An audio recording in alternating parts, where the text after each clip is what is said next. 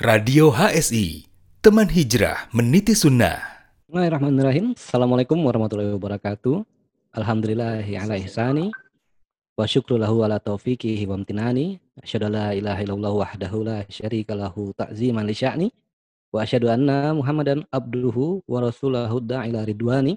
Allahumma sholli alaihi wa ala alihi wa ashabihi wa ikhwani. Dari Kota Bayuangga, Probolinggo, dan dari belahan timur Jakarta, izinkan kami menyapa Anda, para sahabat setia Radio HSI di mana pun Anda berada. Apa kabar Antum dan Antuna pada malam hari ini?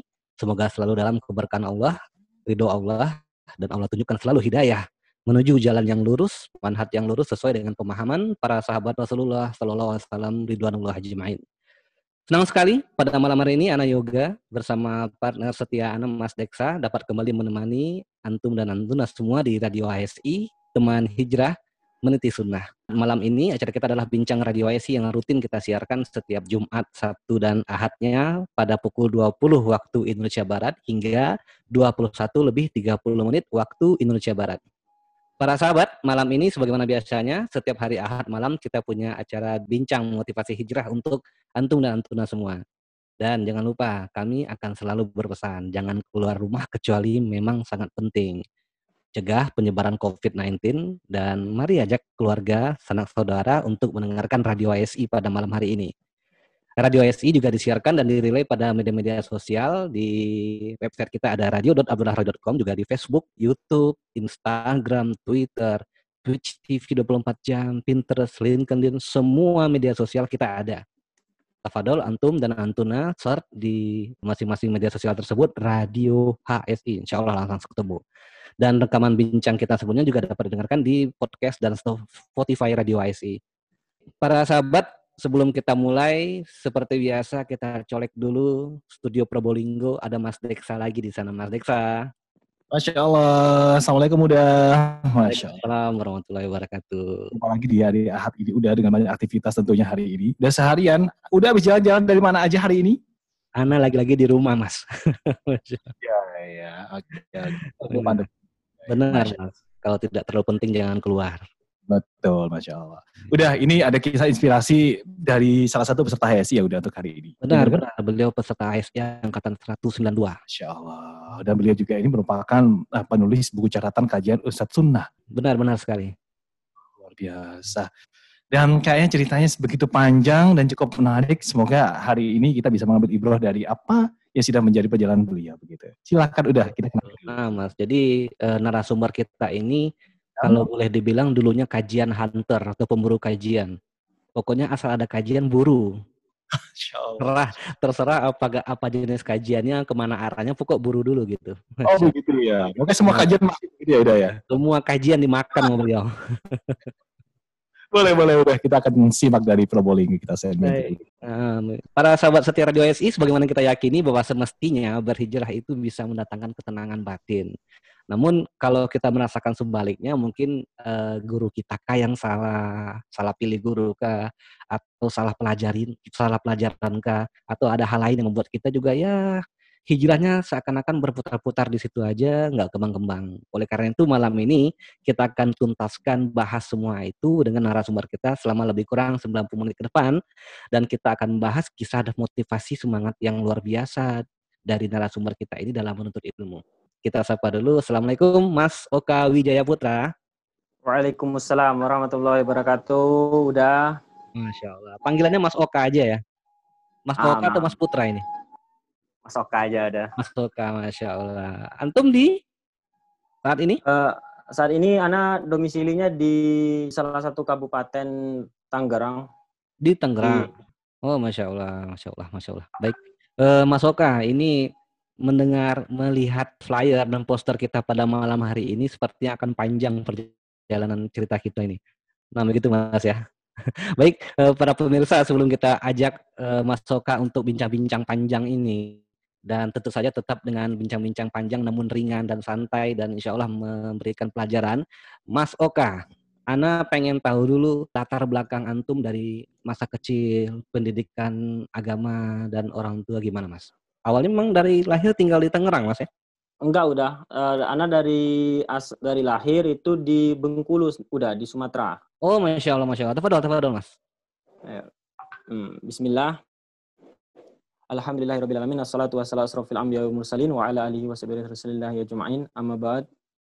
Eh, pertama-tama Alhamdulillah Ana ucapkan jazakallah khair kepada Jazakallah khair. Ustadz eh, Abdullah Roy beserta tim Radio HSI yang sudah memberikan kesempatan Ana mungkin ngobrol dan cerita-cerita sedikit eh, seputar pengalaman hijrah Ana.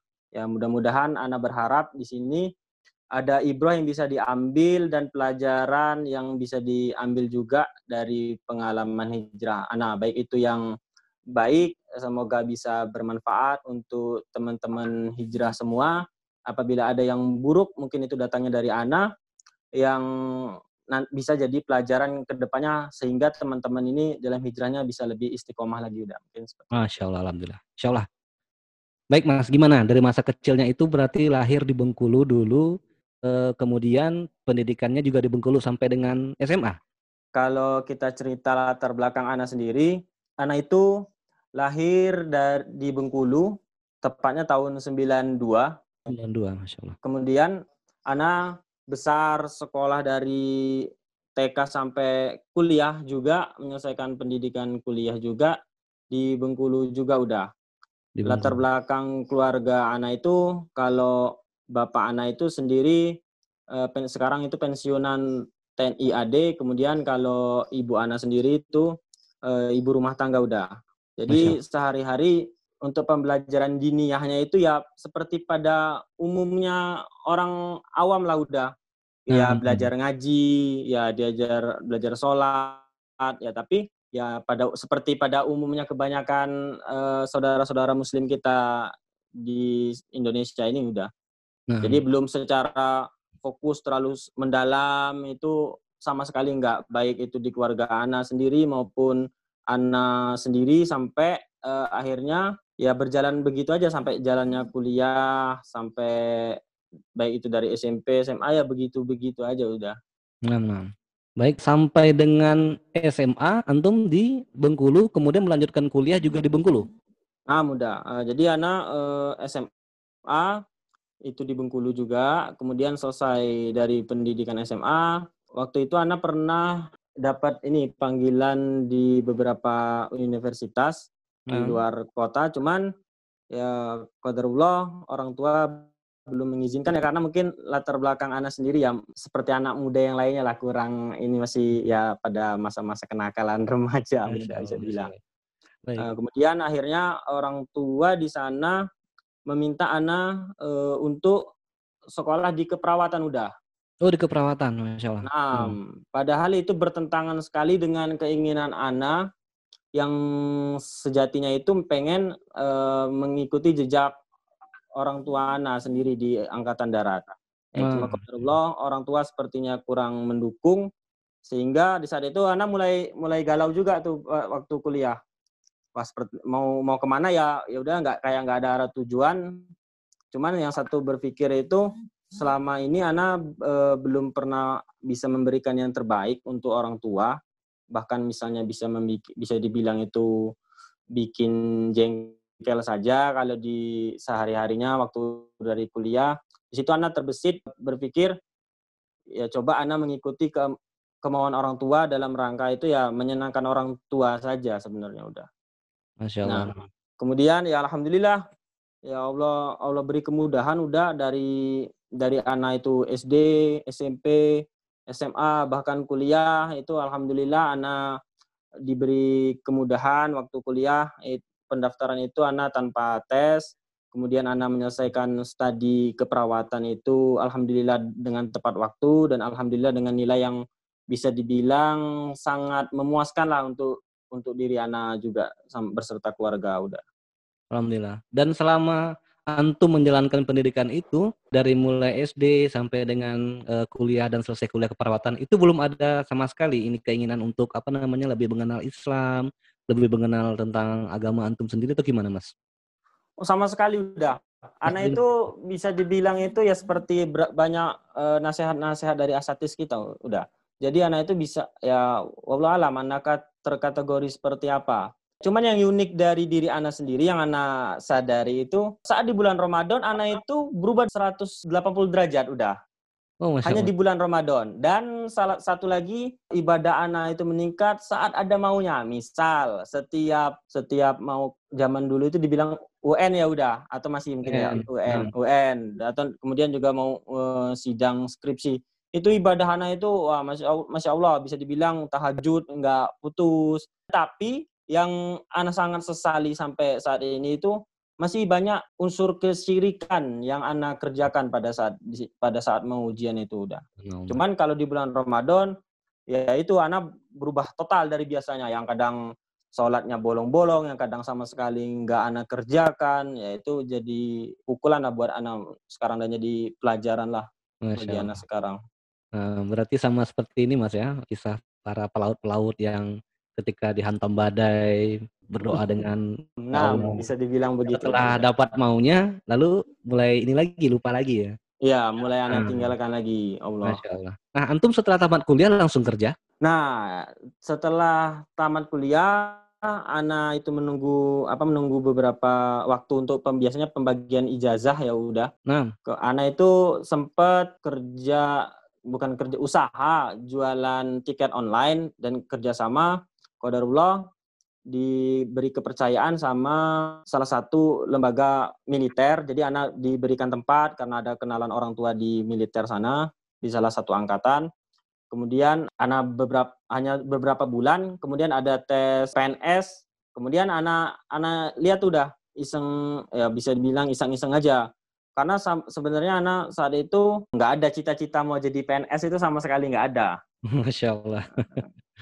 Cuman Hmm. yang anak anak pengen itu ya udah eh, pesan orang tua juga ya udah coba cari pekerjaan di luar karena ya bisa dibilang itu kan ya PNS seperti itu aja udah. Kemudian ya anak ikut tes PNS ya anak anak cari-cari pengumumannya terus anak lihat ada satu instansi yang itu tidak begitu biasa anak anak dengar. Salah satu lembaga penelitian di Indonesia eh, milik pemerintah yang statusnya sebagai PNS juga.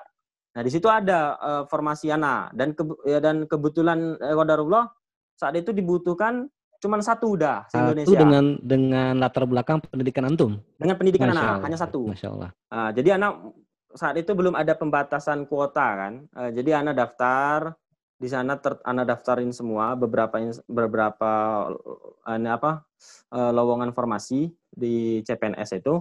Anak daftar ya cuman anak itu lebih tertarik ya memang di instansi yang anak ini ya. Singkat cerita dengan persaingan yang sangat ketat dari dari beberapa calon CPNS juga ya alhamdulillah saat itu mulai mulai itu kembali lagi seperti yang Ana awal bilang cerita. Jadi eh, untuk ibadahnya itu wah masya Allah, Masya Allah. eh, Ana berbeda banget dengan yang biasanya. Nah.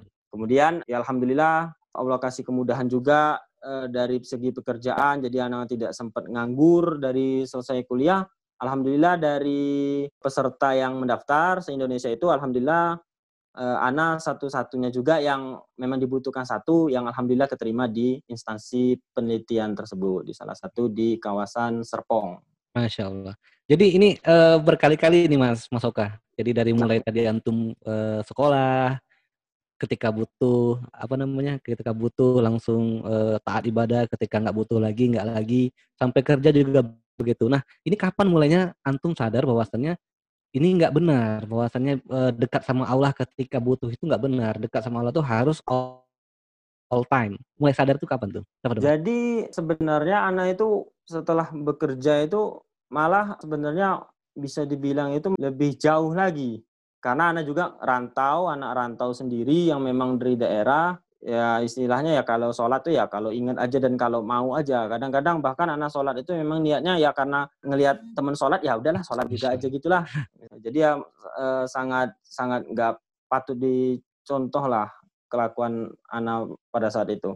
Kemudian anak mulai mulai terbesit itu sebenarnya eh, udah banyak, udah banyak Eh, calon istri anak udah atau orang tua sholat mengingatkan sholat sholat iyalah nanti eh, cuman yang paling anak ingat itu bilang ini calon istri anak waktu saat itu bilang bahwa sholat ya udah nantilah kalau sudah sholat lima waktu kalau apa namanya menikah kalau nanti ya bila perlu malah jadi ustadz hmm. atau paham paham inilah pokoknya ntar diperbaikin lah kalau sudah nikah eh, bilangnya seperti itu. Nah cuman berjalannya waktu tetap aja masih begitu juga sampai anak pun menikah. Nah, itu baru mulai anak tuh mulai mulai coba memperbaiki diri, mulai anak oh karena anak udah merasa saat ini anak udah punya tanggung jawab, anak ini sebagai hmm. kepala keluarga, Betul. Baru anak tuh mulai berpikir-berpikir. Tapi ya tetap aja sholat ya tapi belum mendalami sama sekali. Bahkan masih banyak ya, ya sangat jahil lah kalau bisa dibilang ilmu agama anak itu masih sangat jahil. Hanya sekedar tahunya sholat, ya puasa, sekedar beberapa hukum-hukum mana yang termasuk bahkan untuk sholat rohati pun anak tidak tahu sama sekali itu udah. Yang okay. apa ininya berapa, sholat zuhur itu rawat, kobliyahnya berapa, ba'diyahnya berapa itu anak nggak tahu sama sekali. Nah, eh, singkat cerita eh, saat itu anak itu ada ya dalam rumah tangga ada bumbu-bumbu lah udah. Nah, nah. Udah juga ada bumbu-bumbu uh, yang sangat menarik itu ya gitu. Pertama ya kita saling sindir-sindiran bersama istri itu kan misalnya ada yang salah uh, tingkah laku kita kita sindir dengan cari-cari di YouTube share ke istri, ntar istri atau kadang-kadang sebenarnya itu jadi jadi bahan yang anak paling ingat itu uh, jadi misalnya lagi ada yang aneh salah istri menyetelkan kajian siapa pura-pura disetel aja kuat-kuat terus biar anak mendengar gitu ya. Cuman ya namanya ser, namanya serumah uh, jadi ya terdengar lah uh, jadi kan ya nanti begitu sebaliknya juga kadang anak kalau anak nggak terima misalnya cari-cari kesalahan misalnya jeleknya anak itu pada saat itu kemudian anak anak setelin juga kajian-kajian ya. Ya campur aja yang soalnya anak sama sekali belum tahu. Yang bikin anak itu titik balik itu sebenarnya pada saat anak itu merasa kejenuhan dalam pekerjaan anak dan anak merasa wah hidup itu seperti seperti ini aja padahal dibilang kalau dari SD sampai kuliah itu bisa dibilang anak alhamdulillah ber, diberi kemudahan untuk berprestasi. Kemudian kerja juga ya alhamdulillah sama sekali nggak mengeluarkan speser pun seperti yang biasa terdengar. Kemudian eh, juga apa namanya udah diberi kemudahan juga. Eh, Masya, Masya Allah. Bahkan, bahkan ketika kita juga sudah mendapat semua nikmat Allah pun, tapi tidak ada Allah hadir dalam hidup kita, itu jenuh sekali mas ya? Oh jenuh, udah. Ana menjalani pekerjaan itu nggak ada sama sekali semangat semangatnya karena uh, Anda merasa di saat uh, Anda ketahui berapa di saat itu nggak ada perkembangan karir untuk untuk untuk posisi Ana ini karena seperti ada ada apa ya ya seperti ya bisa dibilang dihalang-halangi atau seperti ada ada kurang fair lah udah dalam peraturan. Nah di situ Ana mulai belajar tuh karena Ana memang or orangnya ini bisa dibilang nggak takut lah sama apa pun asal Ana benar. Nah makanya Ana situ belajar beberapa peraturan perundang-undangan, baik itu peraturan lembaga tersebut, peraturan perundang-undangan. Ya bahkan yang sampai lucu itu Ana sampai pernah mendatangi istilahnya tinggal di bawah presiden lagi udah instansinya. Setelah itu tinggal keputusan presiden lagi yang bisa ini berubah apa namanya kebijakan dari instansi Ana tersebut sampai sampai ke sana. Cuman tetap tetap saja nggak nggak nggak menemukan titik karena saat itu mengandalkan uh, kemampuan akal anak sendiri, merasa merasa kita udah paham peraturan, terus anak ini jalan, bahkan anak jalan sendirian, anak mengajak beberapa rekan untuk ikut mendukung. Nah, kemudian ada statement seseorang, yang bisa dibilang uh, di atas anak jabatannya itu uh, bilang anak ini kurang bersyukur. Nah, mulai dari titik kata tidak bersyukur itu yang anak anak tidak terima dan anak coba selama ini apa kok anak tidak bersyukur. Nah, itu jadi jadi terngiang-ngiang terus sudah. Uh, jadi terngiang-ngiang terus uh, apakah anak memang termasuk orang yang tidak bersyukur selama ini kepada Allah Subhanahu wa taala kan? Kemudian hmm. anak coba berpikir, jadi pikiran terus itu udah. Bahkan anak di dekat masjid kantor itu anak Ana lihat uh, beberapa ada juga kajian-kajian itu mulai ah ada ustadznya coba Ana tanya. Malah ustadz di saat itu bilang tindakan Ana ini benar. makin makin menjadi-jadi ya nah. Wah, hmm. makin Ana tentang semua istilahnya atasan-atasan yang berlaku kurang adil atau kurang fair ini. Nah, sampai ketika Ana tetap berkecamuk di sana, ada hal yang mungkin tidak bisa Ana ceritakan di sini, yang maksudnya uh, privasi Ana sendiri, membuat hidup Ana itu yang jelas pada saat itu hidup Ana itu nggak tenang. Ada saja masalah. Mulai dari situ, ada saja masalah-masalah yang timbul, misalnya dalam hidup Ana yang jadi beban pikiran, terus sebelum lagi ditambah dengan yang urusan pekerjaan kantor tadi untuk melanjutkan karir seperti itu, terus juga ada yang masalah masalah yang lain-lainnya. Nah di situ Ana mulai, mulai itu udah merasa wah kayaknya agamaku ini harus diperbaiki. Mulai saat ini kayaknya, nah itu mulai. Anak itu yang ingat sekali yang anak perbaiki itu sholat. Nah mulai sholat, anak mulai mulai sholat itu lebih rapih lagi, lebih lima waktu, lebih tepat waktu yang biasanya. Lima waktu ya. Uh, Disebutkan ke lima waktu ya, masya Allah. Enggak. Kemudian sama ke masjid itu pertama istilahnya ke masjid, mulai ke masjid, apa namanya sholat lima waktunya di masjid, mulai hmm. coba belajar yang apa sunnah-sunnah itu anak mulai kerjain di situ. Anak, anak pokoknya titik baliknya itu anak satu hal yang berkecamuk dalam pikiran anak itu, anak sudah Allah berikan umur sekian puluh tahun, istilahnya 20 tahunan lebih, anak anggap selama 20 tahunan lebih ini banyak maksiat yang anak kerjakan atau dosa, sedangkan dibandingkan amal soleh yang anak kerjakan itu sangat sedikit. Anak berpikir bagaimana di sisa umur ini anak merubah perilaku yang buruk ini untuk menjalankan ketaatan-ketaatan kepada Allah. Karena anak juga merasa ya hidup kok padahal udah ngelihat orang itu sangat susah, kadang berprestasi dikasih mau cari kerjaan susah, mau cari makan kadang juga susah di sekitar anak. Tapi anak diberi kemudahan, tapi kok anak seperti ini? Tidak mendapatkan ketenangan. Hidup itu berjalan seperti itu jadi bosan kayak nggak ada nggak ada isinya. Walaupun sudah berumah tangga, dibilang katanya sudah namanya menikah sangat nikmat. Itu ya ya ya seperti biasa aja, tapi tidak ketenangan hati batin itu nggak anak temukan setelah setelah seperti ini aja kehidupan anak. Nah, mulai di sana anak perbaiki terus pertama itu sangat ingat yaitu sholat anak perbaiki sholat anak, mulai anak coba mengerjakan hal-hal yang sunnah, nah, bahkan anak kadang sekali di rumah jadi eh, sholat apa mengimam istri seperti itu. Masya Allah. Baik, eh, Mas Oka, ini mulai terbuka sedikit. Udah sampai kita pada saat Mas Oka mulai hijrah. Kita tahan dulu sebentar di sana. Kita akan lanjut dengan informasi-informasi berikut. Eh, para pendengar setia, sahabat Radio ASI, kami juga menetapkan bahwasannya pada saat ini tim dari pendaftaran HSI Abdul Haroy angkatan 202 tengah melakukan verifikasi seluruh data yang sudah masuk. Jadi kita dari HSI Abdul Haroy mengucapkan jazakumullahu khairan kepada antum dan antuna yang telah mendaftarkan diri di pembelajaran online HSI Abdullah Roy angkatan 202. Kami berharap kesabaran antum dan antuna untuk menunggu proses verifikasi tersebut demi kenyamanan kita bersama. Dan pastikan pula nomor yang didaftarkan ketika mendaftar di aplikasi HSI Abdul Harois selalu aktif. WA juga aktif karena sebentar lagi akan kita invite ke dalam grup WA HSI Abdullah Roy ARNK atau ARTK 202. Yang dimaksud dengan ARN adalah grup ikhwan, kemudian ART adalah grup akhwat.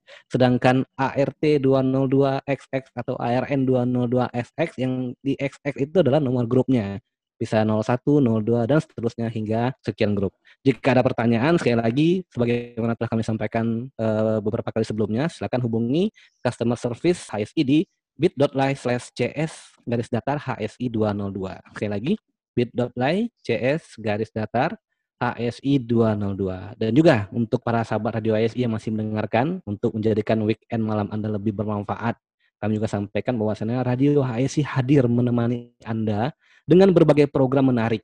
Kita di hari Jumat malam pukul 20 waktu Indonesia Barat punya program bincang bincang wirausaha. Sabtunya malamnya kita punya program bincang kesehatan dengan para dokter-dokter yang masya Allah ilmunya luar biasa. Dan juga pada setiap ahadnya seperti malam ini dengan Mas Oka, kita punya program bincang motivasi hijrah untuk uh, merefresh iman kita dan ketawaduan kita kepada Allah. Ingat, setiap pukul 20 waktu Indonesia Barat hingga 21 lebih 30 menit waktu Indonesia Barat. Jangan lewatkan kisah-kisah menarik, menginspirasi, dan bermanfaat.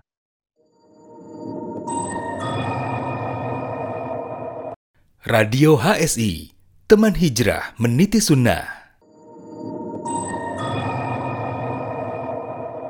Masih bersama kami di sini, Radio ASI Teman Hijrah Meniti Sunnah pada acara Ahad Malam ini dengan Bincang Radio ASI, Bincang Motivasi Hijrah selama lebih kurang kita masih punya waktu satu jam ke depan dengan narasumber kita yang masih semangat untuk bercerita. Baik, kita sapa lagi Mas Okal. Tadi kita sampai pada saat uh, antum sudah merasakan bahwasanya ini harus berubah. Hidup ini nggak boleh gitu-gitu aja. Anda harus mencari sesuatu untuk mendekatkan diri kepada Allah. Nah, kemudian setelah berubah itu, ini masuk pada fase antum disebut pemburu kajian ya kajian hunter nih. Ini misalnya gimana nih sampai jadi begini Mas. Uh, apa namanya? Banyak orang, banyak orang ikhwah kita baik kaum muslimin dan muslimah mengatakan kalau hijrah itu ya hijrah aja. Hijrah berarti udah meninggalkan apa namanya? mungkin uh, meninggalkan dulunya nggak pakai jilbab, sekarang sudah pakai jilbab atau dulunya jilbabnya uh, sampai leher, sekarang sudah uh, panjang. Namun kayaknya juga begitu-begitu aja, masih foto-fotoan, masih apa namanya senang musik-musikan. Nah, antum merasakan hal-hal seperti itu nggak atau gimana mas? Tafadol. Pada pada dasarnya pertama-tama kali anak itu bisa dibilang itu bertobat atau memperbaiki diri itu ya memang yang dirasa itu ya itu. Kalau sudah memperbaiki diri atau bisa bilang tobat itu ya cukup mengerjakan sholat, yang wajib-wajib aja puasa, ya mungkin mengerjakan yang sunnah-sunnah, ya terus ya memperbanyak ya misalnya kayak sholat malam, puasa sunnah, dan juga misalnya kayak ya bersodako, misalnya membayar zakat, ya pada umumnya berhaji, bahkan mungkin bila mampu kan.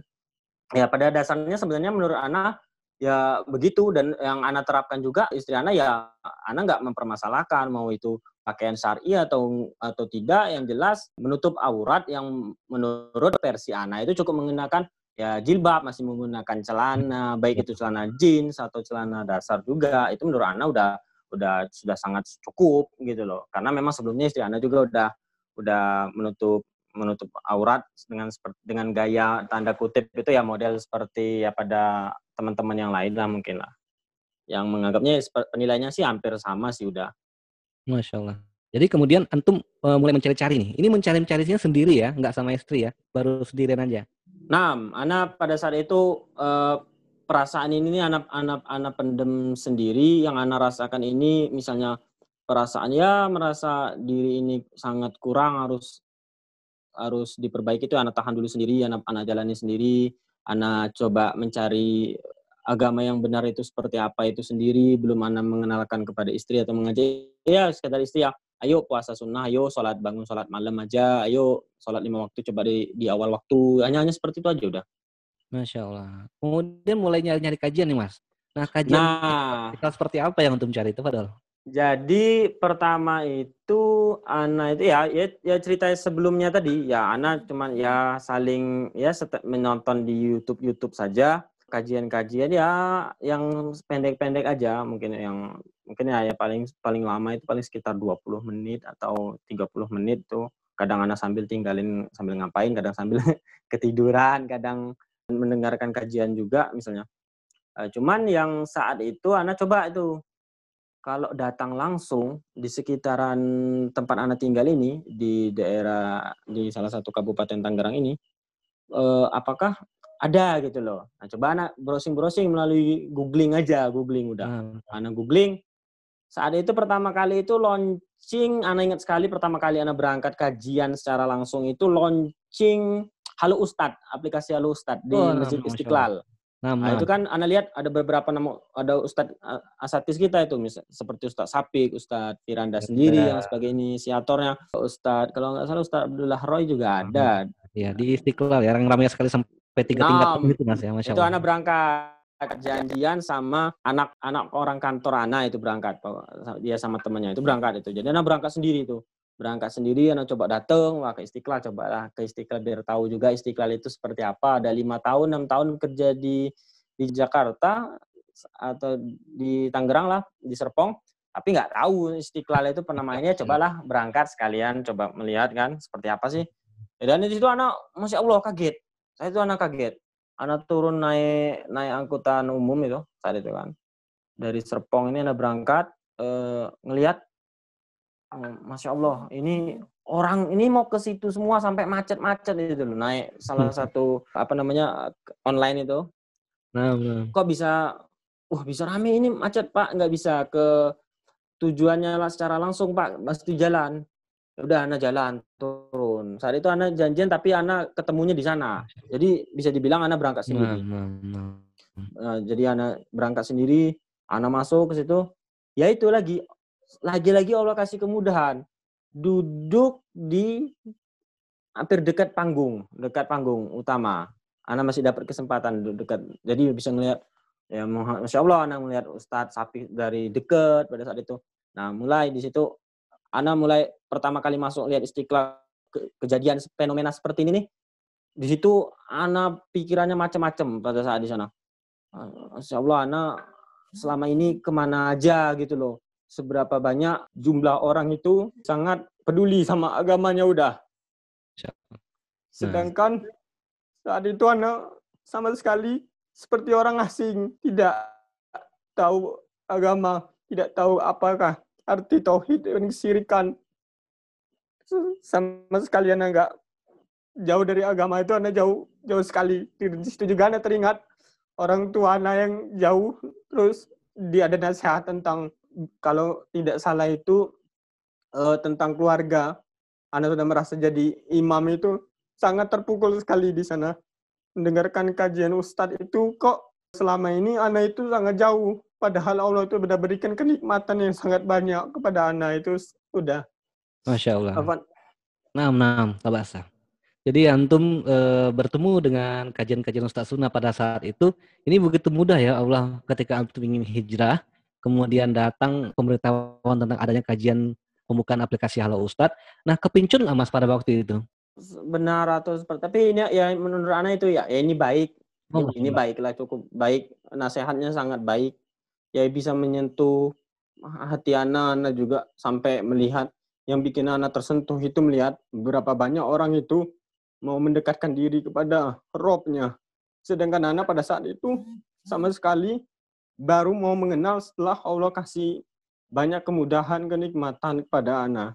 Nah, sampai akhirnya uh, mulai itu anak-anak dari titik balik situ anak coba browsing terus kajian-kajian yang di sekitaran tempat anak itu. Kemudian apa namanya anak datangin. Itu mulai tumbuh giro semangat anak itu. Masya Allah luar biasa Allah beri lagi-lagi Allah beri Allah beri lagi kemudian anda datengin beberapa kajian-kajian Anda tidak tidak peduli apakah itu siapa pun ustadznya asal itu ustadz Anda datengin di rumah pun Anda ke, uh, Anda dengarkan kembali kajian-kajian itu. Ya, mungkin le lebih kurangnya campur aduk gado-gado lah Anda dengerin semua lah udah. Pokoknya yang penting di situ Anda lihat oh baik itu. Pokoknya nasihatnya baik itu ya Anda dengerin Anda datengin anak berangkat ke sana.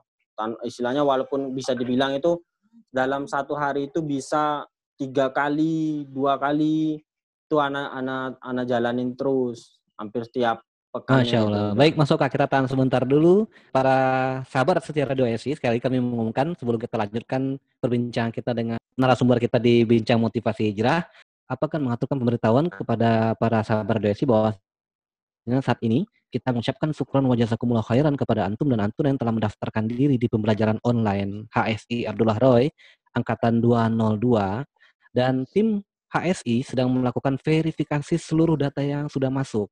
Kami berharap kesabaran antum dan antuna untuk menunggu proses verifikasi tersebut demi kenyamanan kita bersama.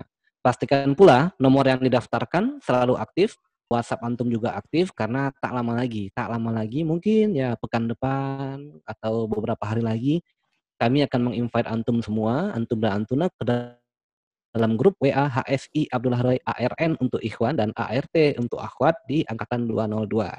Jika ada pertanyaan, tafadol silakan hubungi CS melalui uh, link berikut yaitu bit.ly slash CS garis datar HSI 202. Sekali lagi, bit.ly slash CS garis datar HSI 202 semuanya huruf besar.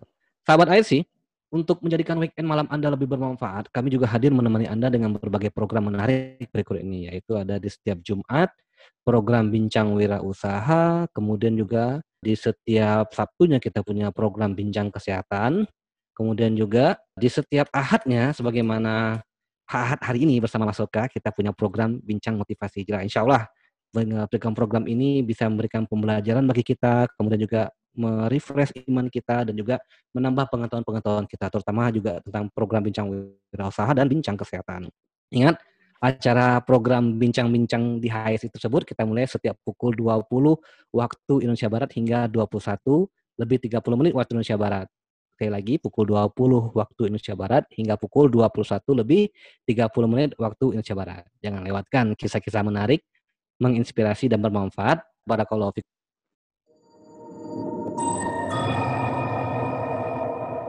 Radio HSI, teman hijrah meniti sunnah.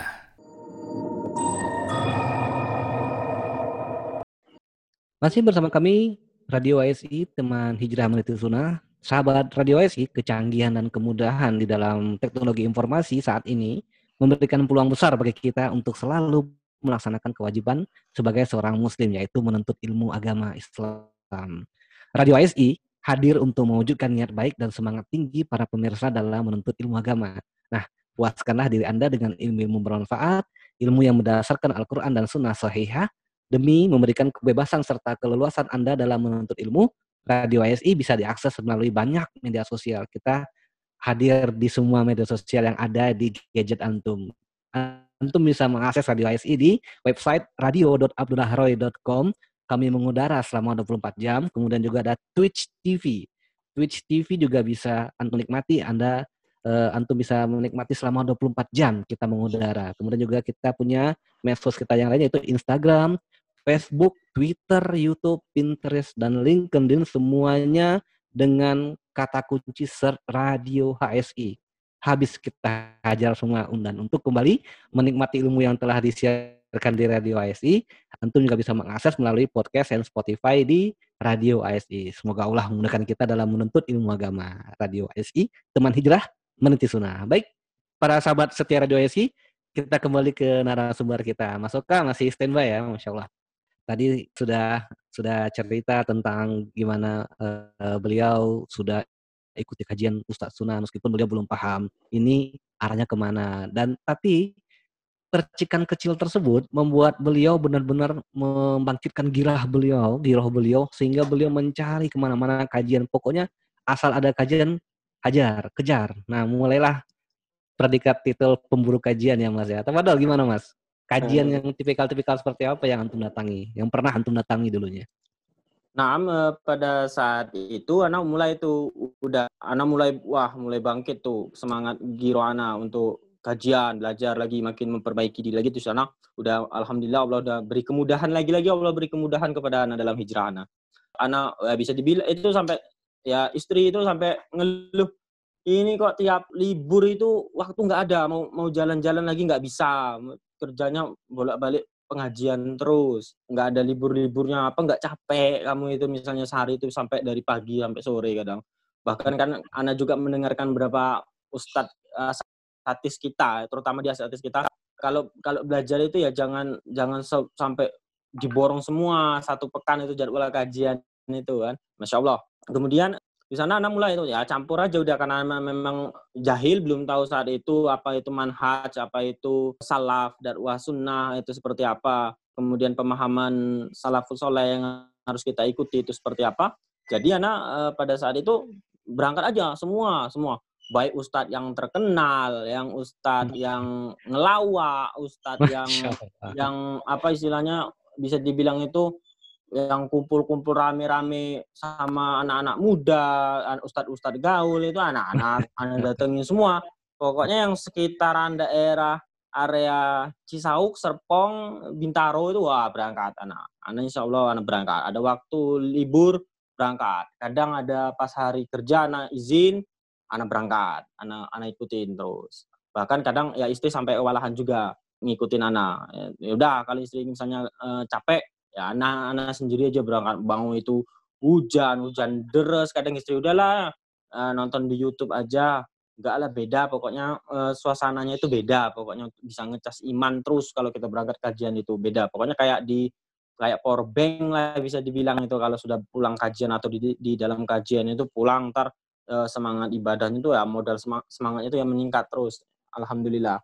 Nah jadi anak bolak-balik ya kajian situ di nah sampai anak itu bisa dibilang itu uh, beberapa ustadz-ustadz yang sekarang itu namanya itu terkenal bisa dibilang terkenal di kalangan-kalangan uh, teman-teman hijrah yang baru-baru, bahkan itu juga yang udah lama, bahkan yang istilahnya orang yang bisa dibilang itu tahu agama itu udah lama, itu bisa dibilang udah ustadz terkenal lah, ustadz kondang lah di negara kita ini. Sampai anak itu sangat senang sekali kepada beberapa ustadz ini. Anak ya lebih sering anak kerjakan. Bahkan setelah dari pulang itu, anak itu mohon maaf itu sama, sama ustadz yang jenggotnya panjang ya seperti ustadz Khalid sendiri ustadz Sapik itu ada perasaan malah benci gitu loh kok malah kok ustadz ini jenggotnya panjang banget gitu kok kalau kayak bahkan ustadz Sapik itu anak anak bilang itu ini ustadz ini udah udah terkategori dakwahnya ini terlalu keras gitu loh kepada orang-orang menurut anak itu udah terlalu keras. Bahkan anak tuh ah, nontonnya. Ya walaupun anak saat itu berangkat di ada Ustadz Sapik sendiri udah terkesan cuman lama-lama kok dengerin beberapa kajiannya kok keras gitu loh. Nah sampai hmm. Ustadz yang anak gandrungi pada saat itu yang istilahnya ada beberapa ustadz, tapi ustadz ini yang paling ana istilahnya berperan dalam perbaikan agama ana. Ya, semoga beliau diberikan hidayah taufik uh, kepada manhaj salaf dan berpahaman kepada sunnah yang memang seba sebagaimana dengan pemahaman para sahabat. Jadi Ustadz ini anak sangat luar biasa kecerdasannya anak lihat juga. Anak terkagum-kagum bahkan mungkin bisa dibilang lebaynya tuh ya hampir tersihir dengan Ustadz ini. ya karena kan ya salah satu retorika kata-kata indah itu kan merupakan sihir kalau kita lihat lihat di kita anak belajar di kitab tauhid itu kan. Benar. Nah, jadi anak seperti ya dibilang taklid ya kayaknya sih belum, cuman anak ya pokoknya udah ngefans lah bahkan anak itu di kantor tuh anak downloadin setiap harinya anak ketinggalan yang nggak bisa berangkat ke Bekasi itu anak downloadin yang anak bisa datang tuh subuh jam-jam 4 itu anak berangkat dari Serpong itu minjem kendaraan sama kakak ipar itu berangkat ke sana sendiri gitu. Wah karena saking ramenya jamaahnya itu kan eh, udah hmm. berangkat itu. Wah mulai itu. Anak sangat ya bisa dibilang wah mencintai ustadz inilah karakter ustadz inilah. Walaupun di sisi lain anak masih juga mengambil ilmu dari beberapa ustadz yang ngelawak ngelucu-lucu atau iya. yang yang kelompok-kelompok anak-anak muda gaul-gaul gitu. Anak masih masih juga anak dengerin. Tapi dengan satu sosok ustadz ini anak istilahnya itu menjadi rujukan utama anak Nah, ya karena ya anak terkesan dengan wah hafalannya, kecerdasannya ini wah kayaknya pinter banget ya. Oh, ini ustadz orang yang pinter banget ini dibandingkan ustadz-ustadz lain ini kayaknya. Bahkan hmm. ya karena anak sering juga setiap hari anak download sampai rumah anak, anak puter lagi di rumah itu kan sampai sama kayak kajian juga karena satu jam dua jam itu ya dengerin gitu setiap hari itu setiap ada yang baru anak tonton anak anak tonton yang dekat anak anak datengin misal di di kajian-kajian beliau itu terus juga tapi di saat itu kajian sunnah sendiri anda datengin karena ya alhamdulillah Allah lagi-lagi Allah kasih kemudahan udah dalam hijrah. Ana dekat salah satu uh, masjid sunnah di daerah BSD uh, bisa dibilang pusatnya BSD itu banyak kajian. Nah, hmm. Ana datang datang terus ke situ, datang terus karena pada saat itu Ana memang ibaratnya gelas kosong yang tidak ada warna sama sekali yang jelas Ana itu Ana lihat oh ini ucapannya baik, oh ini pinter, tahu paham dalil, paham hadis, pakai Al-Quran, pakai hadis, ya ya dibilangnya sohe ya, wallahu alam apakah itu sohe atau enggak, atau menyimpulkan berdasarkan pemahaman beliau sendiri dengan kelompok-kelompoknya sendiri ya Allah alam. Mana ana pada saat itu nggak tahu belum belum tahu jadi ana ya datang aja kajian gitu ana ya sama tetap dengan pola sepekan itu bisa sampai beberapa kali ana anda datangi. Sehari itu bisa sampai dua tiga kali kajian itu anda datengin. Cuma qadarullah karena di sini memang kajian offline-nya lebih banyak karena Anda dekat Masjid Sunnah ini, ya Anda hmm. datang ke sana juga. Tapi yang Ustadz satu ini nggak pernah Anda tinggalin setiap hari hampir sehari itu bisa Anda Ana setel kajian full beliau itu bisa dua tiga video kajian beliau. Jadi yang dari ya? awal itu hmm. dari awal Apa itu anak anak download. Yang ya itu anak tertarik apa karena retorika indah nih seakan-akan menyihir? Nah, salah satu. Terus juga kepandaian beliau dalam menyampaikan, terus juga kayak hafal anak anak bawah kiri bawah kayak oh, itu gitu kan. Nah, nah, nah, nah.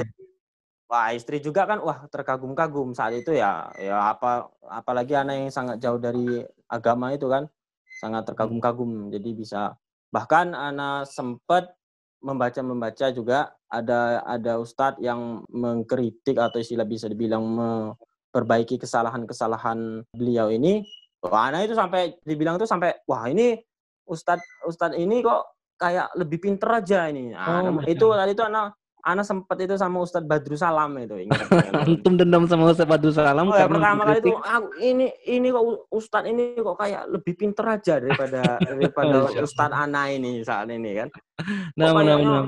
Apa hafalannya ini lebih kuat apa memang dia lebih bisa kayak gini gitu loh. Ah nggak sama sekali mau ngeklik aja nggak udah ngeliat mukanya di YouTube tampil aja ah skip aja lah. Oh, masya Allah ya. Jadi antum Nah. dendam pada ustaz-ustaz sunnah karena Ya. ustaz-ustaz sunnah ini mengkritik Sebenar, Ustadz ah, yang mengkritik ya? beliau ini atau bisa bilang kita, kita bilang kan ditahzir lah ya misalnya Masya ya Allah, udah Masya Allah. Afwan, tahan dulu sebentar. Antum nih ceritanya mungkin karena saking menariknya sudah ada pertanyaan yang masuk ini Mas Oka, Masya Allah. Nah, Anda bacakan dulu ya. Ini mungkin pertanyaannya juga akan langsung terjawab dengan kisah lanjutan dari Mas Oka. Baik, Assalamualaikum warahmatullahi wabarakatuh. Semoga Allah menganugerahkan kebaikan kepada Anda, akhi. Afan akhi, Amin. sejak kapan antum kenal dengan sunnah Rasulullah? Kemudian bagaimana perasaan antum saat pertama kali kenal dengan sunnah dan siapa orang yang berandil dalam proses hijrah antum. Jadi ada sejak kapan kenal dengan sunnah, kemudian apa perasaan pertama kali kenal dengan sunnah, dan siapa yang paling berandil. Tafadhol mas, ini mulai lanjutannya setelah ini sepertinya mulai ada ini ya, pembukaan kenapa ini Ustadz sunnah malah mengkritisi Ustadz idola antum. Ini mulai ada pertanyaan nggak? Mulai ada nggak dipelajari gitu atau nggak ditelisik gitu? Kenapa sih Ustadz sunnah ini agak kepoan gitu? Gimana? Eh, sebenarnya enggak, sebenarnya sama sekali ya, nah, karena memang pada saat itu sangat wah udah ya bisa dibilang itu ya setiap hari itu dengarnya nasihat dari beliau itu yang lain itu anak ya apalagi yang seperti anak bilang tadi yang jenggotnya panjang, Ustadz kita yang jenggotnya panjang itu wah ini kok dandannya berantakan sekali, jenggotnya nggak rapi apa seperti Masya apa. Bahkan anak eh, sunnah sendiri anak-anak celah-celah kok ini celananya seperti ini di dicingkrang-cingkrangin gitu kok seperti itu. Nah, kalau boleh jawab yang pertanyaan dari saudara kita tadi, semenjak Ana mengenal sunnah, atau kita lanjutkan dulu atau seperti apa udah? Tafadhol kalau kalau anda memilih antum lanjutkan dengan ceritanya. Oh, naam ya. Jadi Ana lanjutkan dulu nanti berarti kita kita keep dulu ya udah Nah, pertanyaan nah. tadi ya. Nanti insya Allah Ana jelaskan. Jadi Nah. setelah Ana itu wah terus tuh malah lebih gencar Ana. Wah, gencar kajian. Datang langsung yang jauh sampai ke tanah kusir itu Ana datang. Jam 3 subuh Ana bangun siap-siap berangkat. Ta- misalnya sholat malam bentar dah langsung cus berangkat gitu. Berangkat sendiri sama jamaahnya itu rajin. Ana mulai itu kok ada Ustadz yang sunnah ini seperti ini meng- ya mengkritik itu kok sampai menyalah-nyalahkan gitu oh ini oh ini kan baik semuanya baik. Oh ini juga oh ini kan yang disampaikan bener dia ini apa lebih pinter gitu. Pak. bisa dibilang anak mungkin kemasukan sihirnya juga kena sihir ya juga mungkin bisa di, bisa terkategori taklid juga sama sa- satu ustadz Hmm, ini kan. berlebihan mungkin gu- gulu juga anak kepada beliau insya Allah, kayaknya.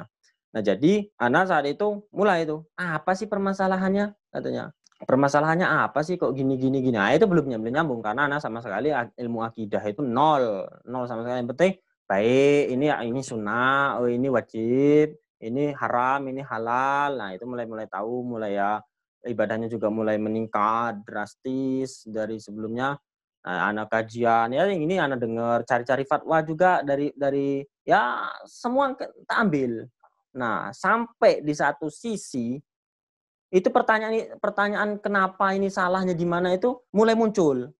Ini di dikritik ini salahnya di mana? Nah, Itu mulai. betul. Nah, salahnya di mana? Kemudian anak itu mulai baca-baca beberapa artikel itu. Wah, ya nggak tahu artikel itu apakah hanya fitnah isinya, cuman yang anak baca dulu dan nggak dong juga apa yang dibahas. Nggak ngerti juga ya. Iya, nggak ngerti juga ya karena memang jahil pada saat itu. Hmm. Jadi anak terus, terus, terus utang. Di satu sisi, ya bisa dibilang karena tanda kutip tadi kajian hunter, terus kajian itu nggak pernah absen bertanya. Sampai detik ini pun teman-teman di komunitas kajian yang anak ikut di dalamnya bantu-bantu ya bantu-bantu lah udah Nah, untuk menyebarkan dakwah dakwah sunnah sendiri. Ya.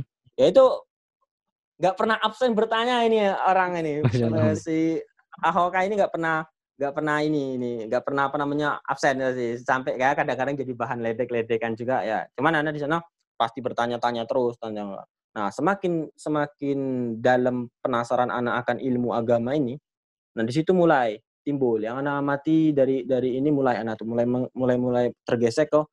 Oh ini ini pandangannya berbeda. Oh ini pandangannya berbeda. Ini seperti ini ya. Mungkin mulai tahu oh ini mashab, mashab itu seperti ini, manhaj seperti ini eh, definisinya. Terus juga mashab ini seperti ini ya. Mana yang ada hilafiyah, mana yang memang memang hilafiyahnya memang itu kuat atau atau lemah.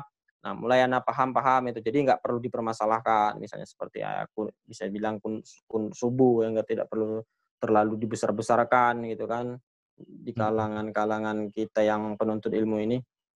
Eh, jadi di sana juga anak mulai menggali banyak makin haus itu dah makin haus kajian makin haus mencari ilmu itu makin haus Eh, waktu anak itu lebih banyak anak dengarkan kajian eh, baca-baca artikel salah satu artikel yang yang eh, semoga Allah balas kebaikan kepada ustadz kita ini yaitu salah satu website rumaiso.com itu eh, jazakallah khair kepada Ustadz Abdul Twasikal yang sudah banyak memberikan artikel yang bermanfaat kepada anak pribadi Eh, jadi anak anak ngambil referensi ke sana juga anak ya karena mungkin ya lebih muncul di Google itu ya munculnya website Rumaiso ala, ala di Hmm. sana. Kemudian anak anak anak baca terus anak banding-bandingkan dengan yang ustadz-ustadz itu. Nah, satu titik udah titik balik anak mulai membuka jalan pikiran ini. Ya Allah bukakan jalan Allah- lagi-lagi Allah beri kemudahan kepada anak ini. Anak ini kajian judulnya ini. Tapi isinya nggak sinkron. Kayak clickbait di YouTube itu loh. Kok nggak sinkron gitu loh. Isinya tuh kok nggak kena gitu loh. Dari poin apa yang judul dituliskan gitu loh. Kadang-kadang agak ya bisa bilang kalau kita itu zong lah bahasanya. Dengan ustadz yang tadi, dengan ustadz Dengan idola ustadz tadi. yang anak idolakan Oh. tadi. Nah, nah. Nah, cuma terus kehausan ilmu anak ini tidak terpenuhi. Masya Allah. Jadi dapatkan. retorikanya dapat, dapat hafalnya dapat, tapi nggak ada ilmunya dalam itu. Bukan, maksudnya ilmunya itu ya ya yang anda dapatkan dari situ ya sebatas itu itu aja ilmu agama, Masya nggak Allah. lebih mendalam. Nah, Hmm. sedangkan notabene tadi jiwa anak ini bergejolak untuk menuntut lebih dan lebih lagi, lebih dalam lagi, lebih dalam lagi. Nah. Sampai satu ketika anak berangkat, ingat banget itu ke Blok M, Ust, kajian Ustadz Khalid Basalama, Rizalullah Ta'ala, tentang bahas sirah sahabat, Salman Al-Farisi, eh, radhiyallahu an- anhu. Jadi itu menjelaskan bagaimana kisah-kisah Salman Al-Farisi dari awal mencari kebenaran. Nah, di situ anak mulai dapat ibro.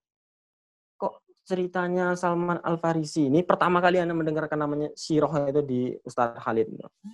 Kok kisahnya ini hampir mirip mencari kebenaran karena di situ anak mulai banyak oh ini bilangnya A, yang ini Ustadz ini bilangnya B karena anak kan dengerin semua udah. Ini bilang C, bingung sendiri. Jadi yang yang bener ini yang mana gitu loh. Kok kok beda-beda. Gimana nyari nyari kebenarannya? Itu situ anak berdoa terus ya Allah tunjukkan malah mana yang benar, kembali balik kita serahkan kepada Allah Azza wa Jalla, gimana yang benar, tunjuk tunjukkan jalan yang lurus seperti yang kita baca-baca terus kan di setiap sholat kita minta tunjukkan jalan yang lurus dan memang di situ anak memposisikan diri anak walaupun anak itu bisa dibilang ada keguluan tapi anak itu tidak menutup pintu hati anak untuk membuka mana yang benar. Anak mencari tetap titiknya mana yang benar menurut agama, bukan bukan ustadz yang kita cintai. Walaupun itu Nah. anak berusaha berusaha lawan itu karena anak mendengarkan kisah sahabat eh, Salman Faris ini mencari terus dia mencoba ini mencoba ya. Di situ juga anak di lingkungan anak sendiri juga tinggal ya anak gitu yang yang seperti ini anak ikutin, yang kelompok ini, yang kelompok ini anak ikutin, yang kelompok ini anak ikutin, semua anak ikutin, kajian ini itu anak ikutin sampai titik bingung dan kebutuhan haus akan agama anak tidak tidak terpenuhi, istilahnya hausnya itu tidak terobati dengan kajian Ustadz Fulan ini. Jadi mulai nih kok ini seperti ini aja nonton tiap hari bahasnya itu itu lagi itu. sampai bisa dibilang anak tuh hafal. Bukaan mukodimahnya sampai inti isinya dikit ya ya paling beda-beda sedikit lah bolak-balik ke situ situ aja. Apa udah karena anak download itu dari paling bawah dari riwayat paling bawah anak download itu tontonnya tiap hari sehari itu bisa dua tiga empat video Ustadz Fulan ini nah jadi oh seperti ini tuh terjadi wah nggak nggak nggak nggak terjawab ini penasaran anak nggak terjawab lagi mulai di sana terus terus belajar ngikut kajian salah kajian semua kajian juga termasuk kajian eh, salaf juga anak ikutin Nah, di sana mulai mulai tercerahkan sedikit demi sedikit. Al- Alhamdulillah itu udah mulai tercerahkan. Allah. Bedanya di mana? Bedanya kajian salaf, kajian sunnah dengan yang lain tuh bedanya di mana, Mas?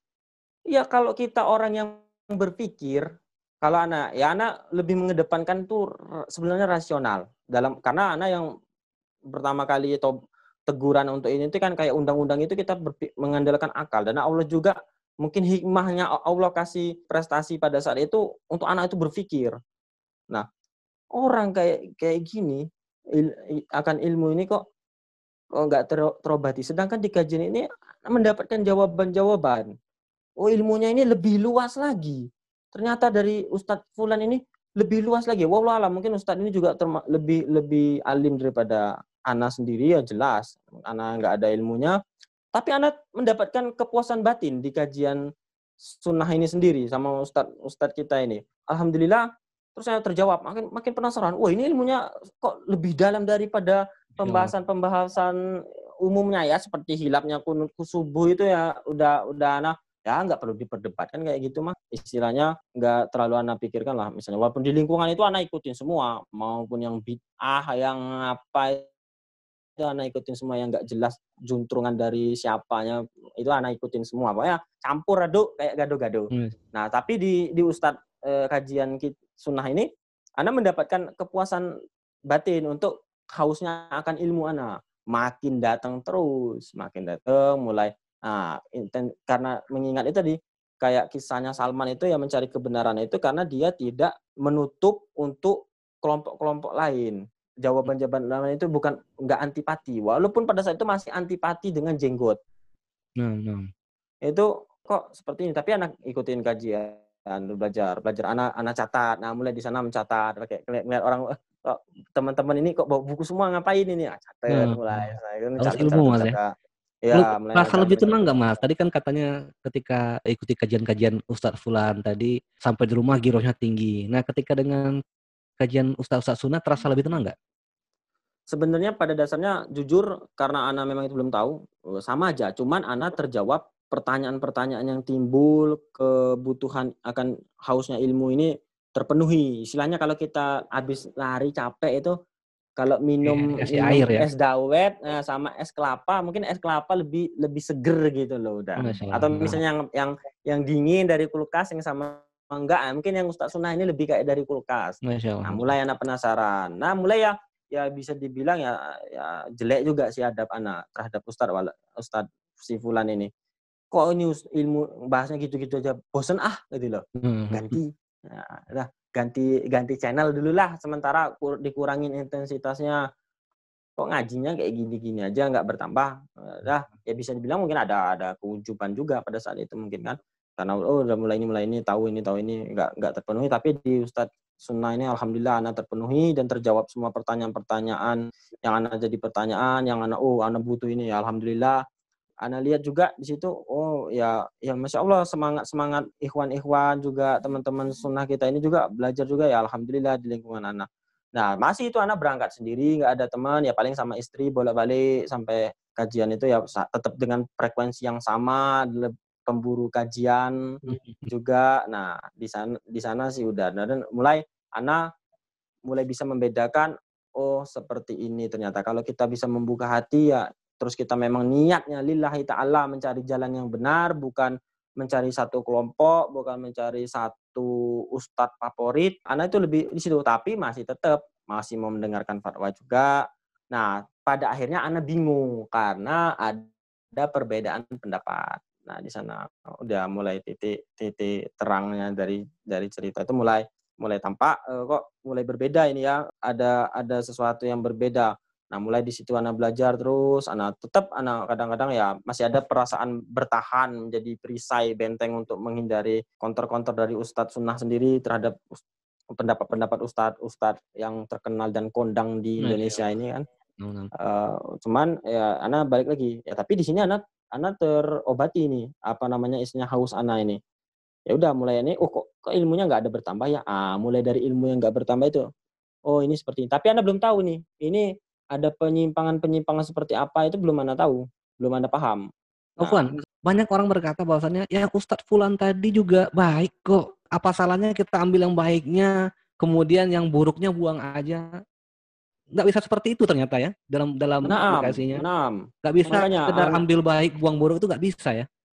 Oh, sama sekali nggak bisa. Masya Allah. Ya, kalau kalau yang anak tangkap sekarang, kalau itu memang baik, hak, itu bukan menurut pandangan kacamata kita, tapi Betul. menurut apa yang uh, Allah perintahkan, ya, yang Allah sampaikan melalui malaikat Jibril alaihissalam kepada Rasulullah Sallallahu Alaihi Wasallam.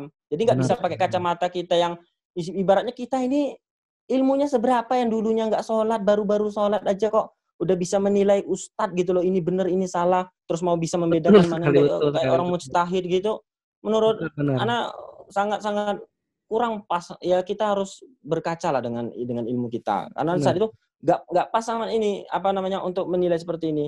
Kalau ini nggak bisa sama sekali nggak bisa. Yang yang Harusnya jelas kita malu ya Mas ya.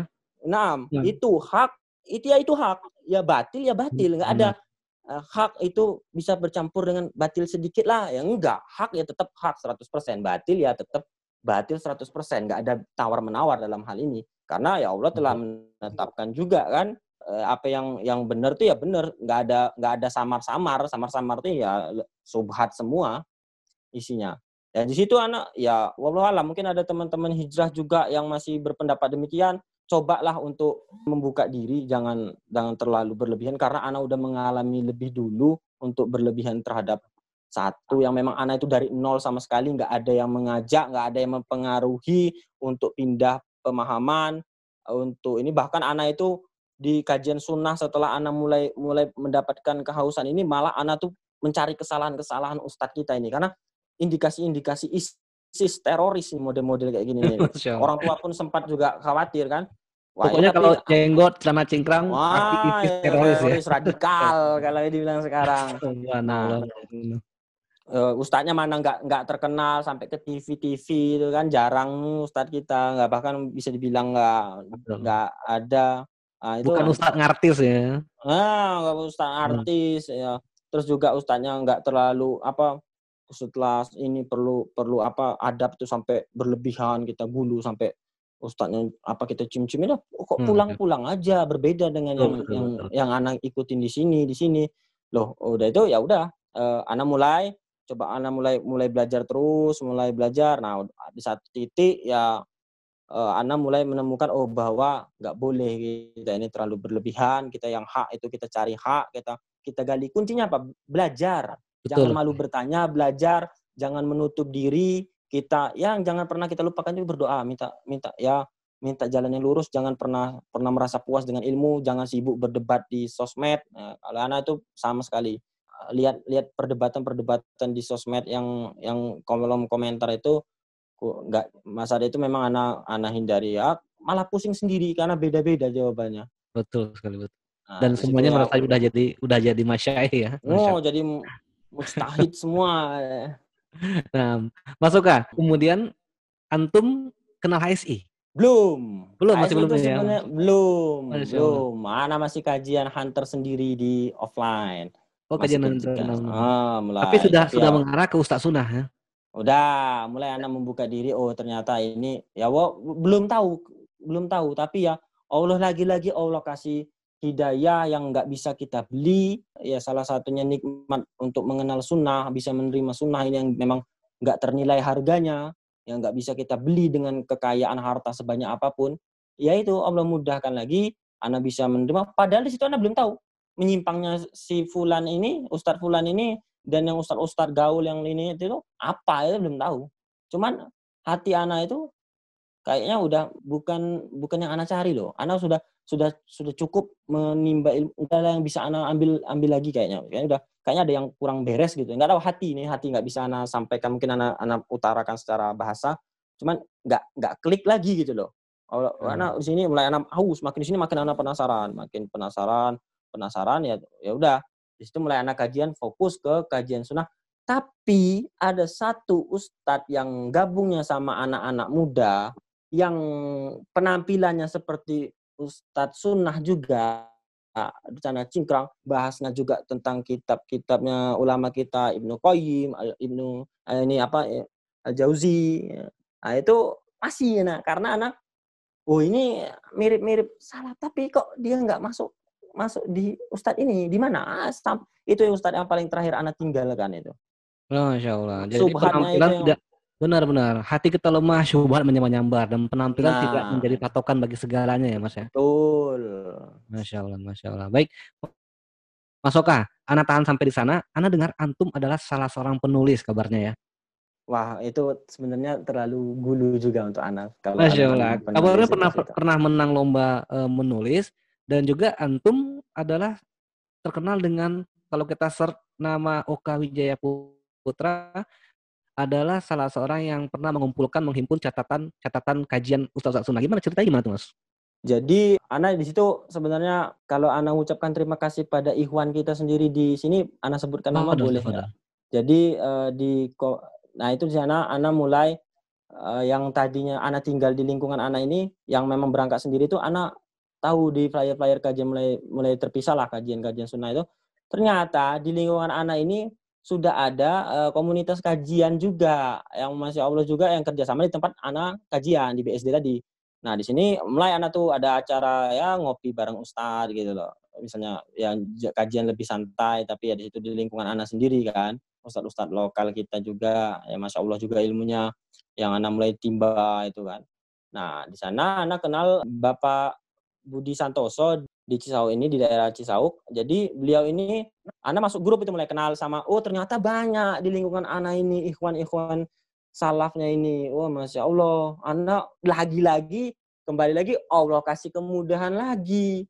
Yang Baik. memang anak, yang padahal udah dua tahun anak kajian itu sendiri. Padahal di sini udah lumayan besar komunitas itu. Mulai namanya udah mulai ada di, di sekitaran BSD ini udah banyak linknya.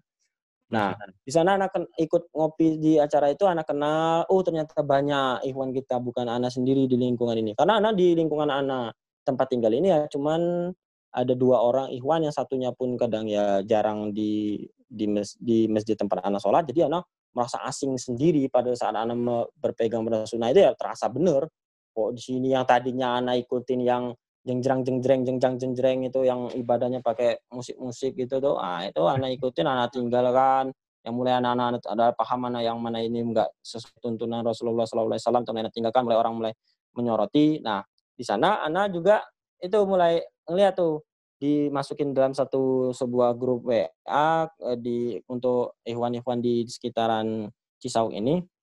Jadi ini udah jadi anak tuh ngelihat ini kok cat, kajian ada catatannya rapi gitu. Sedangkan anak tuh catat di buku tapi nggak begitu lengkap seperti Pak Budi ini, Pak Budi Santoso nih. Cuma anak sempat pernah pernah WA beliau, Pak ini gimana Pak bisa kayak gitu? Tolong ajarkan ilmunya. Anak nyatet di buku susah, nggak- bisa bisa nggak bisa seperti ini lengkapnya. Seperti apa? Padahal hanya sedikit. Eh, saya ingat benar tuh di WA sama Pak Budi itu tak Japri.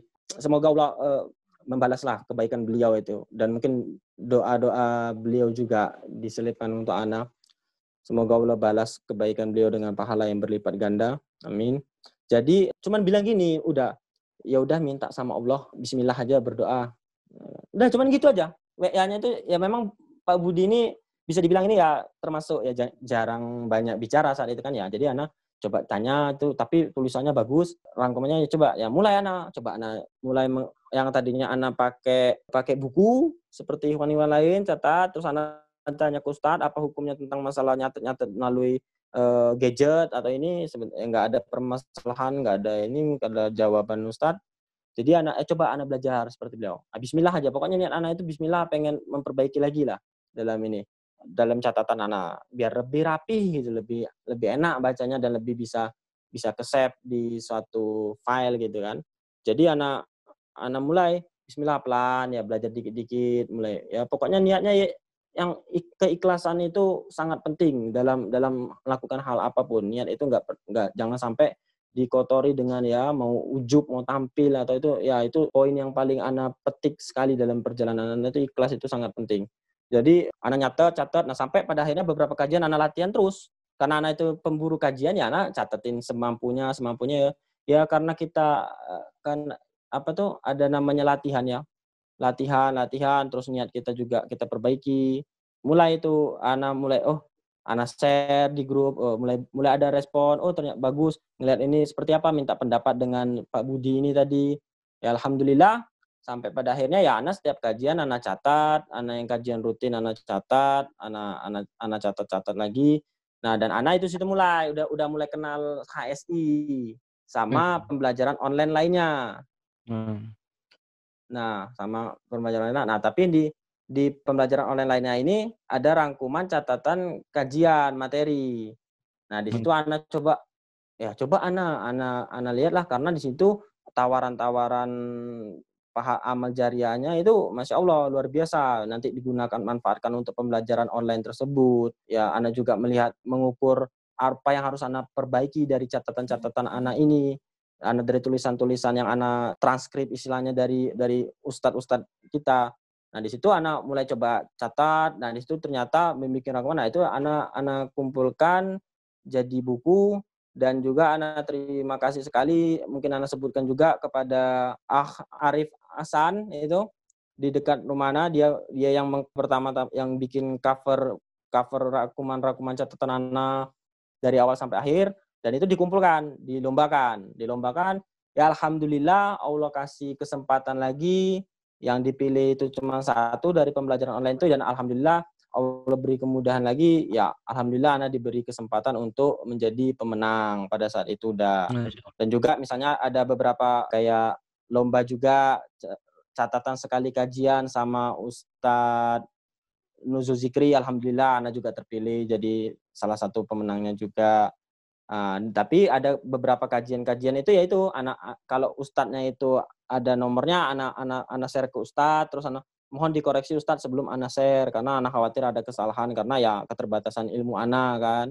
Ana ya Allah ini juga apa namanya ya pendengaran Ana juga kan terbatas. Kalau ya yang namanya kebenaran kan datangnya dari Allah, yang Allah mudahkan itu Ana khawatir di sana kan. Nah, di situ Ana Ana udah catat, udah catat kadang ada yang ustadznya yang merespon, ada yang ustadznya tidak merespon, terus anak konsultasikan ke ustadz lokal yang memang merespon.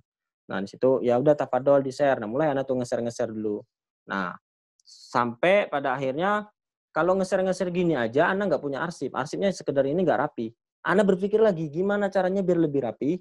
Anda jadikan e-book. Nah, adalah pada saat ya alhamdulillah pada saat pandemi ini banyak hikmah lagi. Anda bisa mempelajari, memperbaiki cara menulis menulis catatan kajian lagi.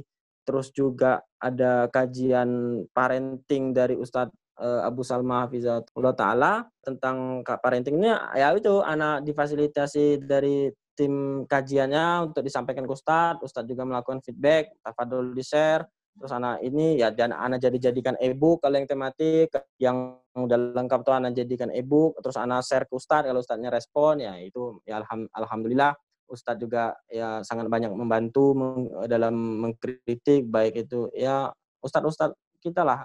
Eh, yang anda lihat juga yang anda petik juga ini bedanya Ustadz Sunnah ini nggak menganggap dirinya itu sangat berlebihan di atas jamaahnya sendiri. Itu yang anda sangat adab yang sangat anda petik dari ustadz-ustadz kita itu ternyata nggak walaupun dia udah punya nama pun nggak nggak mempermasalahkan sama sekali seperti fitnah-fitnah masalah pendapatan atau masalah apa itu sama sekali yang tidak anda temukan selama ini di, di manhaj salaf ini.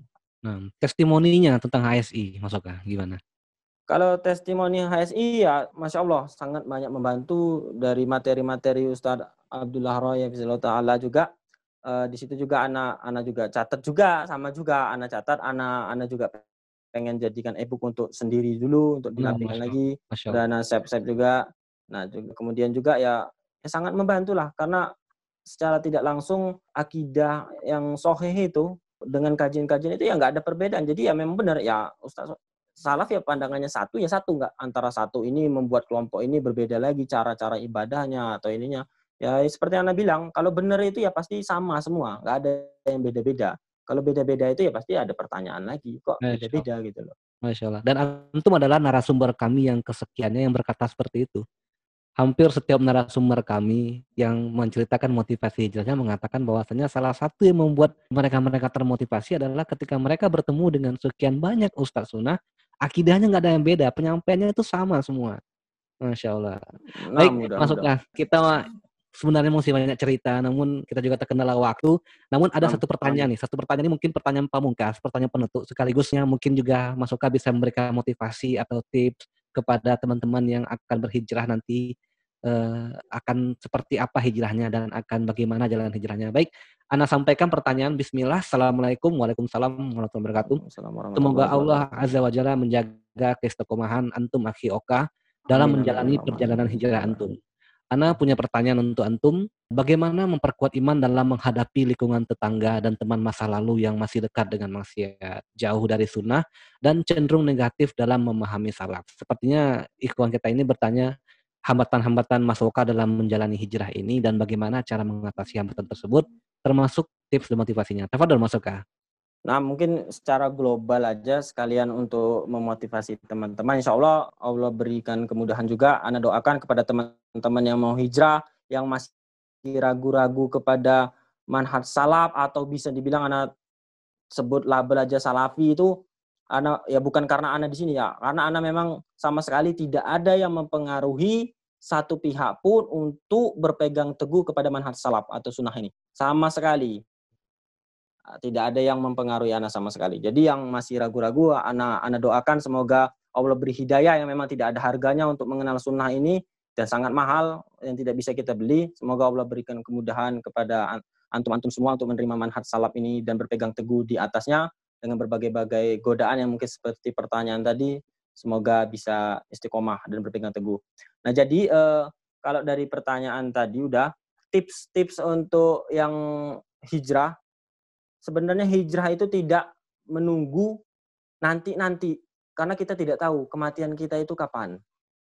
Kalau kita nanti-nanti entar entar besok entar besok dan itu juga harus bisa dibilang nggak bisa kita ngomong nantilah tunggu udah rapih ininya dulu tuh harus bisa dibilang itu harus dipaksakan karena itu kalau harus dipaksakan dan juga eh, kita harus lawan perasaan-perasaan yang seperti itu bisikan-bisikan nantilah atau menunda-nunda itu was-was seperti ini, keraguan-keraguan untuk hijrah itu menurut anak itu harus dilawan, harus dipaksakan. Karena kalau nggak dipaksakan nggak bakal nggak bakal ini juga apa namanya niat kita itu ya perlu dipertanyakan lagi. Hijrah kita itu karena Allah dan Rasulnya apakah karena dunia dan ngikut tren-trenan saja.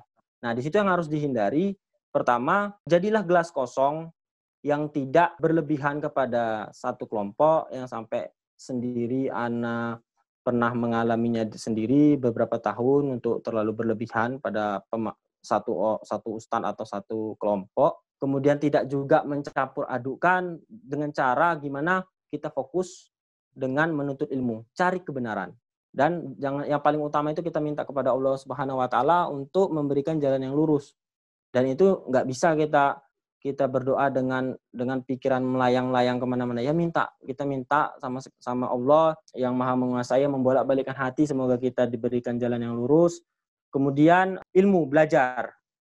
Saran anak pada teman-teman yang hijrah yang bisa salah satu yang anak nukil dari kajian yang anak yang sempat anak catat juga dari kajian Ustadz Firanda Fizallah Ta'ala. Kemarin itu yang memperkuat uh, akidah dan iman kita itu salah satunya itu dengan ilmu menuntut ilmu. Itu yang paling cepat. Dan yang anak alami yang yang bisa membawa anak untuk istiqomah itu ilmu. Bukan berarti kita kajian terus sekedar kajian nggak tahu terus kalau kita di murojaah lagi kita nggak tahu apa apa isinya apa poinnya. Nah itu berarti kita ada yang salah dengan kajian kita. Walaupun itu udah baik anak tidak menyalahkan. Tapi harus kita harus mengkoreksi diri. Ada yang harus perlu kita tingkatkan dalam dalam hijrah kita dalam dalam belajar kita ya benar-benar belajar. Karena ilmu dunia kita mati-matian belajar ngapal-ngapalnya. Tapi untuk urusan akhirat kita kenapa kita setengah-setengah? Dengar kajian ya ya nggak mau nyatet nggak mau mau murojaah lagi nggak mau mema, men, kalau mau bertanya malu-malu. Apa apa yang perlu dimalu-malukan? Daripada kita nanti dipermalukan di akhirat. Itu pesan anak yang pertama. Nah. yang ke, yang kedua jangan pernah merasa kita ini orang paling berilmu walaupun kita sudah paham. Baik. itu yang baru ataupun yang lama hindarilah yang debat-debat di medsos atau Instagram atau atau YouTube YouTube-nya pesantren YouTube yang istilahnya kita ribut berdebat di sana nggak ada manfaatnya sama sekali. Nggak kita bakal dianggap orang menjadi orang pinter.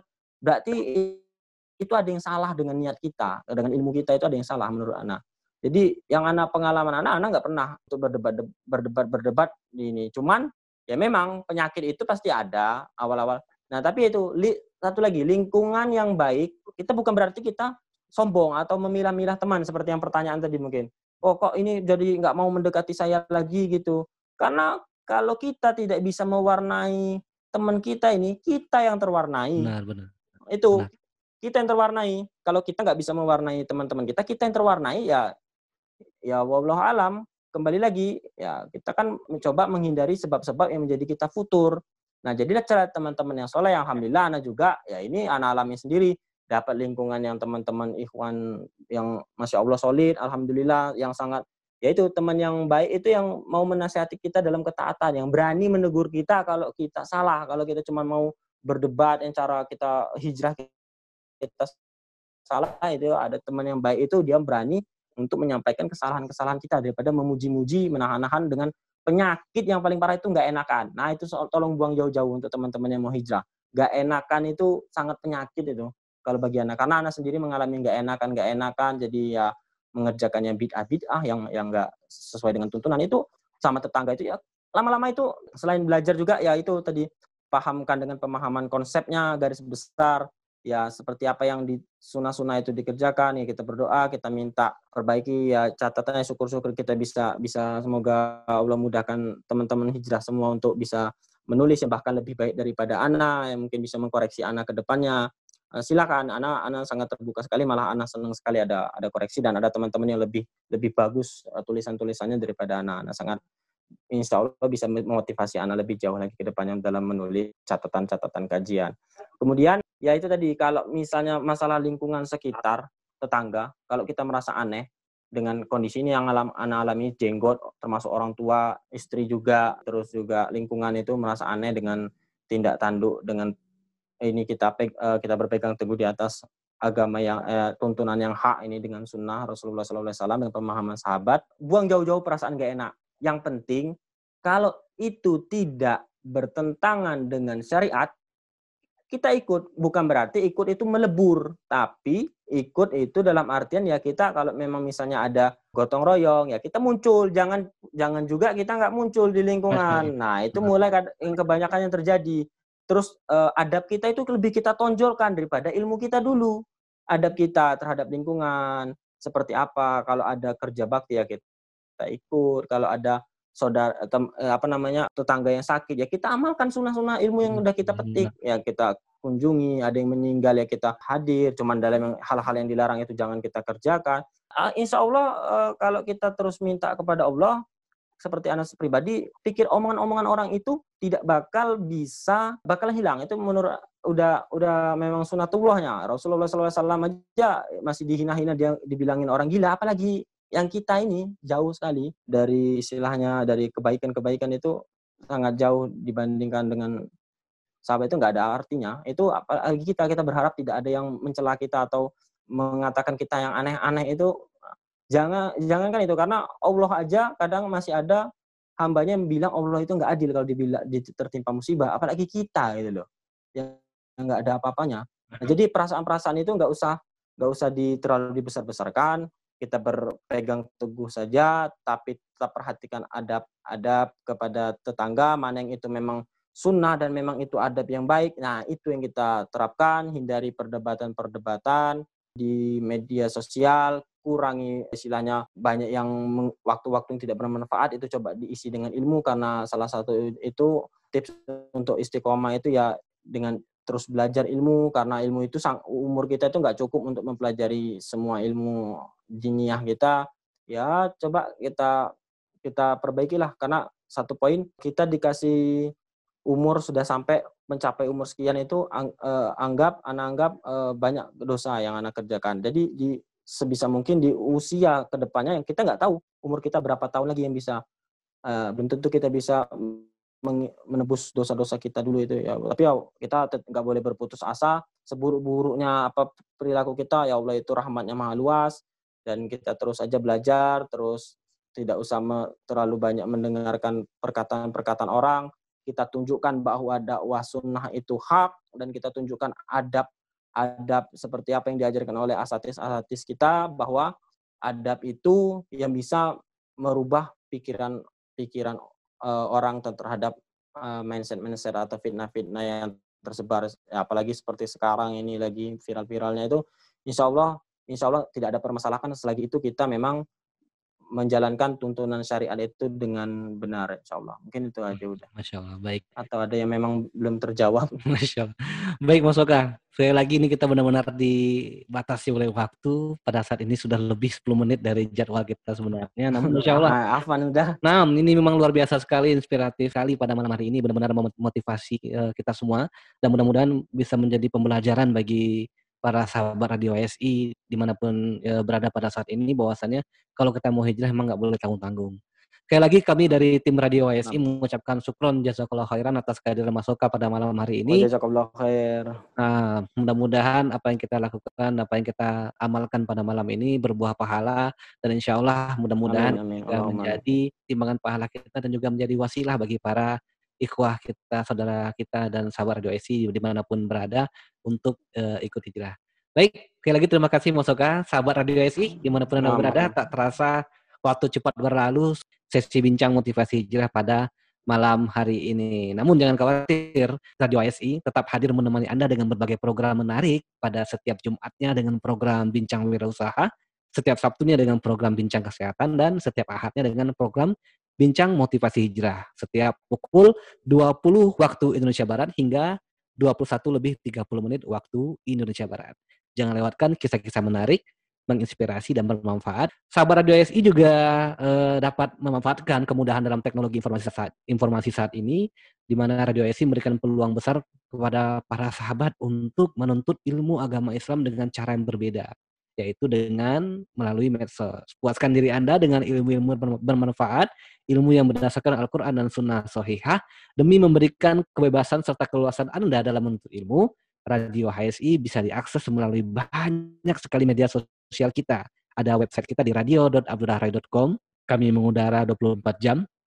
Kemudian juga kita punya Twitch TV yang juga bisa Anda nikmati selama 24 jam. Dan juga ada Instagram, Facebook, Twitter, Pinterest, dan LinkedIn Radio HSI. Dan juga YouTube Radio HSI. Jangan lupa like, subscribe, dan bunyikan tanda lonceng.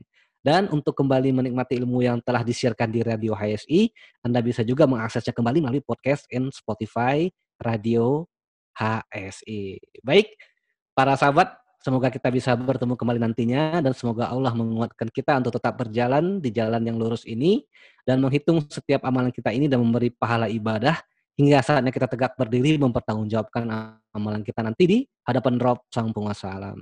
Ana Yoga dan Mas Deksa dari Studio Probolinggo. Mas Deksa. Yap, udah Masya Allah. Kami pamit undur diri. Kita tutup dengan doa kafaratul majlis. Subhanakallahumma wa bihamdika. Asyhadu la ilaha illa anta astaghfiruka wa atubu ilaik. Assalamualaikum warahmatullahi wabarakatuh. Radio HSI, teman hijrah meniti sunnah.